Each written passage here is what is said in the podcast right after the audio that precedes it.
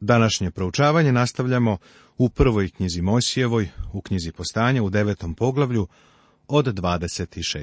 stiha. Bog je imao i sljedeći razlog za beleženje ovog događaja o Nojevom grehu. U 15. poglavlju, četvrtom stihu, čitamo ove reči. Sve naime što je unapred napisano, napisano je nama za pouku, da strpljivošću i utehom pisma imamo nadu. Ovo je zabeleženo da bismo ti i ja saznali o slabosti tela. Gospod Isus je rekao da je duh srčan, ali je telo slabo. A u poslanici Galatima u drugom poglavlju vrlo je jasno da se nijedno telo neće opravdati kroz držanje zakona. Jer na osnovu dela zakona niko neće biti opravdan. Tako Bog nam ovde daje priču o čoveku koji je pao i tako otkrio slabost tela. Nema svrhe truditi se da se nađe izgovor za Noja. Noje se jednostavno napio. Možda se ti kao hrišćanin ne opiješ, ali ako smem da kažem, ti i ja možda živimo u telu do krajnjih granica, pa ne ugađamo Bogu baš kao što nije ni Noje. Imamo recimo pogrešnu predstavu o životu u svemiru u kome smo. Na primjer, Amerikanci su potrošili milijarde dolara da bi čoveka poslali na mesec, ali mesec ipak ne deluje kao mesto dobro za život. Ali relativno malo trošimo na to kako da živimo na ovoj zemlji. Bog je zainteresovan za to da nas nauči kako da živimo baš na zemlji. Nemojmo praviti greške kakve su već pravljene u vezi sa ovim događajem. Treba vrlo jasno da pokažemo da Noe nije izgubio svoje spasenje. Verujem da to razumeš. Uradio je užasnu stvar, zato nema izgovora.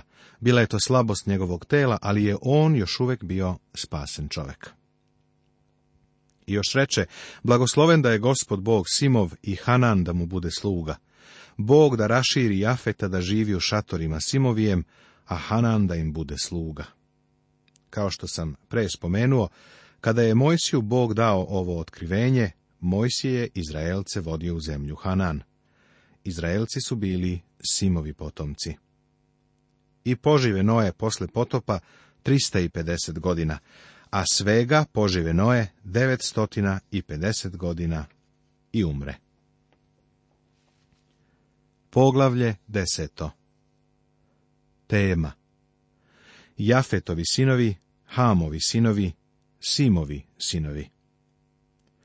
Ovo je poglavlje genealogije ili rodoslovlja, poglavlje o porodicama u kojima leži poreklo svih naroda na svetu. Ovo poglavlje je mnogo važnije nego što to pokazuje prostor koji ja posvećujem. Ako si zainteresovan za etnologiju i antropologiju i za izvešte o ljudima na zemlji, Možda ćeš imati želju za mnogo dubljom studijom od ovog našeg razmatranja. Henry Miller, koji je magistrirao na etnologiji, napravio je mapu porekla naroda koristeći deseto poglavlje knjige postanja kao osnovu za trodelnu podelu ljudskog roda, koja je pokazana kroz ova tri nojeva sina, Hama, Sima i Afeta. Etnologija jasno pokazuje da ni Jafetovi ni Hamovi sinovi nikada nisu sadržavali ili obuhvatali ono što neki ljudi nazivaju deset izgubljenih Izraelovih plemena. Ovde u desetom poglavlju imamo rodoslov sva tri Noeva sina. A ovo su plemena sinova Noevijeh, Sima, Hama i Jafeta, kojima se rodiše sinovi posle potopa. Prvo imamo Jafetov rodoslov, stihovi 2 do 5, zatim Hamov od 6 do 20. Ovo je već na samom početku bio izvanredan narod. I konačno imamo Simov rodoslov od 21. do 32. stiha. Možeš primetiti da kroz čitavu Bibliju Bog sledi isti model. Prvo daje odbačenu liniju i nešto kaže o njoj, zatim taj predmet u potpunosti napušta, i ne iznosi ga ponovo. Konačno daje prihvaćenu liniju, liniju koja vodi do gospoda Isusa Hrista. Jafetovi sinovi A sinovi Jafetovi su Gamer i Magog, i Madej i Javan i Tovel i Meseh i Tiras. Prema Millerovoj karti, Skiti, Sloveni, Rusi, Bugari, Česi, Slovaci, Hrvati, svi su potekli od Magoga, Indijci i iranske rase, Madi, Persijanci, Afganistanci, Kurdi, svi potiču od Madaja. A od Javana su Grci, Romani i romanski narodi, kao što su Francuzi, Španci, Portugalci, Italijani. Od Tirasa potiču Tračani, Tevtonci i Germani, a od njih imamo germanski i evropske narode, severne Germane, pa onda Skandinavljane i zapadne Germane, od kojih su potekli visoki i niski, a onda i Angli, i Saksonci, i Juti ili Jitlanđani, odnosno anglosaksonska rasa engleska. Ja ne mogu dublje da ulazim u ovu mapu, ali ovo je jedna veoma zanimljiva studija. Možeš vidjeti da većina ljudi na svetu potiče iz ovih linija. Hamovi, sinovi. A sinovi Hamovi, Hus i Mesrain, Fud i Hanan. Kao što uviđaš, Ham je imao i druge sinove, ali je prokletstvo palo na Kanana. Zašto nije palo i na druge sinove, nisam spreman da kažem. Od Kanana potiču Feničani, Hetiti, Jebusiti, Jevuseji, Amoreji, Girgasiti, Hiviti i drugi. Od Hamovog sina Husa potiču Afrikanci, Etiopljani, Egipćani, Libijci i drugi. Vidiš, svi ovi narodi su hamitski a o Husu imamo neke detaljnije podatke. Hus rodi i Nevroda, i on prvi bi silan na zemlji. Beše dobar lovac pred gospodom, zato se kaže, dobar je lovac pred gospodom kao Nevrod. A on prvi bi silan na zemlji. On je želeo da postane vladar velikog svetskog carstva, pa je i pokušao da to ostvari beše dobar lovac pred gospodom. Ovo ne znači da je bio lovac na divljač. Ponekad se nekom dečku da pištolju ruke, pa on izađe, ubije vrapca, njegovi kažu, vidi, vidi, evo malog Nimroda, upucao je vrapca. Ali Nimrod nije lovio vrapce, ni divlje životinje po Africi, on je bio lovac na ljudske duše. To je smisao ovog odeljka. A početak carstvu beše njegovu Bavilon, i Oreh i Arhad i Halani su u zemlji Senaru.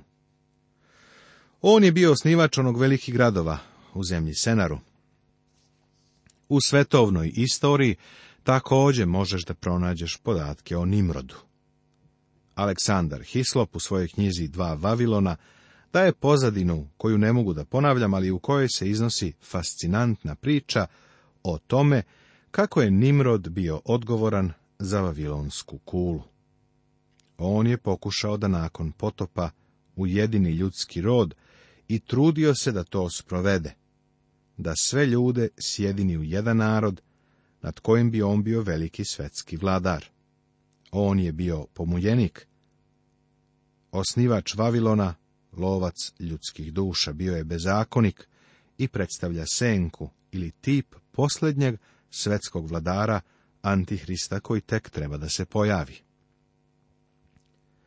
Prema tome, prva velika civilizacija potekla je od Hamovih sinova. To treba da uvidimo. Danas je vrlo lako upasti u stare načine shvatanja kojima smo učeni u školi pre nekoliko godina. Danas crna rasa želi što više da istraži svoje poreklo, ja ih ne krivim. U prošlih nekoliko stotina godina to im nije bilo omogućeno. Priča o nastanku crnog čoveka je sledeća, on je predvodnik ili preteča dve velike civilizacije koje su se pojavile na ovoj zemlji. Oni potiču od Hamovih sinova i Nimrod je bio Hamov sin. Više neću razrađivati ovu liniju. Vidiš, mi sledimo uzor koji je postavio duh sveti. Po tom uzoru on prvo daje odbačenu liniju, a onda je napušta. Sada ćemo se okrenuti ka onoj liniji koja vodi do Avrama, pa do izraelskog naroda i konačno do Hristovog dolaska na zemlju. To je linija koju ćemo pratiti kroz Stari Zavet. Bog se za jedno vrijeme oprašta sa ostatkom čovečanstva, ali im se kasnije vraća. Dozvoli mi da ovdje citiram deo iz Safirove knjige Božansko jedinstvo pisma.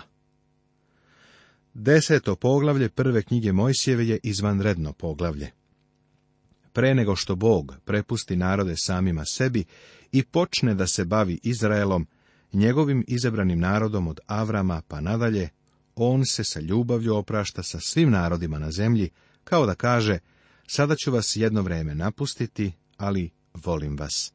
Ja sam vas stvorio, ja sam odredio celokupnu vašu budućnost i različiti rodoslovi su već trasirani. U desetom poglavlju nabrojano je sedamdeset naroda. Četrnaest od njih potiču od Jafeta. Trideset potiče od Hama. Ne zaboravi to. Ovo će ti pružiti drugačiji način sagledavanja crnog čoveka na njegovom samom početku. 26 naroda potiče od Sima, tako da ukupno u ovom rodoslavu imamo 70 naroda. Izgleda da Bog pokazuje šta je uradio sa narodima na svetu. Zašto su belci u naše doba tako istaknuti? Reći ću ti zašto. Jer je na početku postojao crnac, obojene rase koje su bile istaknute. Zatim su Simovi sinovi ispoljili izvanredan uticaj na ovaj svet u doba Davida i Solomona. Zapasit ćeš da su od Sima potekli i ostali, kao što su sirijici, lidijici, Armeni, a od Jektana i Arabljani. Ove velike nacije se sljedeće javljaju.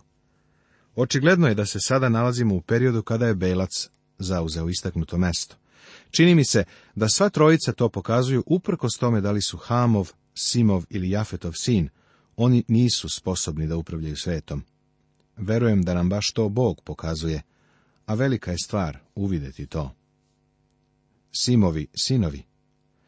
I Simu rodiše se sinovi, najstarijemu bratu Jafetovu, ocu svih sinova Everovih. A Everu se rodiše dva sina. Jednom beše ime Falek, jer se u njegovo vrijeme razdeli zemlja, a bratu njegovo ime Jektan.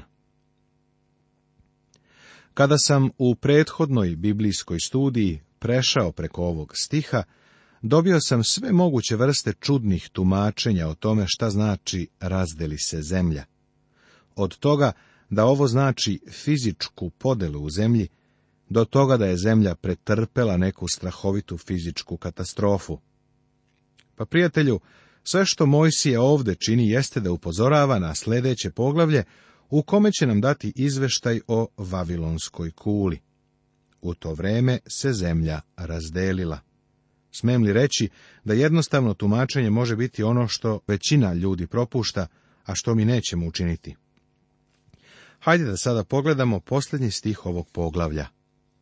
To su porodice sinova Noevih po plemenima svojim, u narodima svojim i od njih se razdeliše narodi po zemlji posle potopa.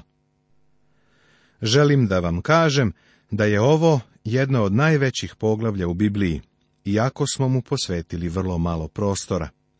Možeš vidjeti da svako ko želi da pošteno proceni ljudski rod, u ovom poglavlju može da sprovede bogatu studiju. Već su mnogi ljudi ovo izvanredno poglavlje upotrebili u tu svrhu. Poglavlje 11. Tema Zidanje Vavilonske kule od Sima do Avrama Zidanje Vavilonske kule a beše na celoj zemlji jedan jezik i jednake reči. Ne znam kojim su jezikom ljudi u to vreme govorili. Jedan moj prijatelj, teksašanin, propovednik u Teksasu, u Americi, duhovito mi je rekao, ti i ja smo verovatno jedini koji znaju kojim jezikom su ljudi govorili pre Vavilonske kule. Bio je to teksaški. Biću iskren, došao sam do zaključka da je sigurno bio neki drugi jezik u pitanju. Koji jezik bio, ne znamo. Verujem da bez obzira na to koji je to jezik bio, on će se govoriti u nebu. I to će biti mnogo bolji jezik od onih koje danas imamo, sa mnogo određenijim imenicama, glagolima, prilozima i pridevima. A kad otidoše od istoka nađoše ravnicu u zemlji Senarskoj i naseliše se onde. A kad odoše od istoka, Zapazi da je to bilo sa istoka. Čovečanstvo se očigledno kretalo ka zapadu. Nađoše ravnicu u zemlji Senarskoj, to je dolina između Tigrisa i Eufrata. Pa rekoše među sobom, hajde da pravimo ploče i da ih u vatri pečemo. I behu im opeke mesto kamena i smola zemljana umjesto kreča. Dole u toj ravnici nema kamenja, pa su oni pravili cigle. To otkriva nešto o karakteru njihove građevine. Čak i danas cigle su popularna vrsta građevinskog materijala. Ipak, ovde su cigle korišćene iz praktičnih razloga, bila je to stvar neophodnosti. Posle rekoše, hajde da sazidamo grad i kulu, koje će vrh biti do neba, da stečemo sebi ime, da se ne bismo rasejali po zemlji. Zapazi da oni kažu, hajde da sazidamo grad, da stečemo sebi ime da se ne bismo rasejali po zemlji. Mislim da su njihovi razlozi za gradnju bili vrlo loši da steknu sebi ime. Po mom mišljenju, jedini razlog za gradnju ove kule bilo je da se stvori mesto za ujedinjavanje ljudi. Vavilonska kula je bila zigurat. U dolini između Tigrisa i Eufreta ima mnogo ruševina zigurata. Ruševine jedne od njih sam fotografisao u Uru Haldejskom, gde je živeo Avram. Bila je napravljena od cigala, dobro konstruisana, a oko nje je bio put koji je vodio do vrha. Očigledno je na vrhu bio oltar, na kojem su, u određenim prilikama, bile prinošene ljudske žrtve. Kasnije su tu prinošena deca, stavljana su na užarenog idola. Sve ovo je u kasnijoj istoriji bilo povezano sa ziguratima. Ali, u vreme njene konstrukcije, Vavilonska kula je predstavljala pobunu ljudi protiv svemogućeg boga. Očigledno je da je ovaj pokret vodio Nimrod. On je bio graditelj Vavilona, pa očigledno i same Vavilonske kule. To je za njega bilo mesto odakle će da podigne svetsko carstvo koje se protivilo Bogu. Da bi ostvario svoju ambiciju i da bi ispunio svoj san, dve stvari i dva faktora bili su od suštinske važnosti. Prvo, bio mu je potreban centar za jedinstvo, neka vrsta štaba. Bio mu je potreban glavni grad, mesto na kome će se okupljati, mesto ka kojem će gledati. Zato je on sagradio grad Vavilon. Tako je ispunio jedan od neophodnih zahteva za ostvarenje svog sna o svetskom carstvu.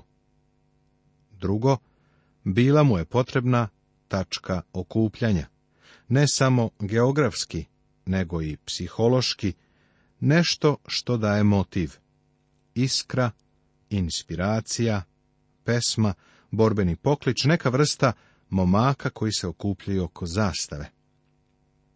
Morala je da postoji neka motivacija koja podstiče i primorava. Morao je da postoji neki spomenik. Danas je Lenjinov grob mesto na kome se okupljaju komunisti, a u Nimrodovo vreme to je bila Vavilonska kula. Da steknemo je izazivanje i pobuna protiv Boga. Da steknemo sebi ime otkriva uobraženu, samouverenu ambiciju. Da vidimo sada šta Vavilonska kula nije bila. Ona nije bila sagrađena kao utočište u vremenu visokog vodostaja. On je nije gradio iznad nivoa vode, kao što to neki tumači hoće da tvrde. U stvari, smatram da je to vrlo detinjasta interpretacija. Nakon svega, Leninov grob nije utočište kada Volga nadođe i izlije se. Ne, ova kula otkriva arogantan, izazivački pobunjenički stav čoveka prema Bogu. Bog je čoveku rekao da se raseje po zemlji i da je naseli, da se namnoži na njoj. Ali čovek je suštinski ovako odgovorio, ne, nećemo da se rasejavamo, nego ćemo ostati zajedno, sa tobom smo završili. Pavilonska kula je bila protiv Boga. Vavilonska kula je bila i religiozni simbol bila je zigurat. Kroz celu tu dolinu, kao što sam već naveo, bile su ruševine zigurata. To su bila mesta gde su ljudi obožavali stvorenja, a ne stvoritelja. Neki zigurati bili su okrugli, neki četvrtasti, ali su svi imali stazu koja je vodila ka vrhu, a na vrhu su ljudi obožavali sunce, mesec i zvezde. Nakon svega, kad god su vidjeli sunce, mesec i zvezde, znali su da neće biti potopa, a smatrali su da je Bog bio prilično zao, kad im je poslao potop. Nastavit će se.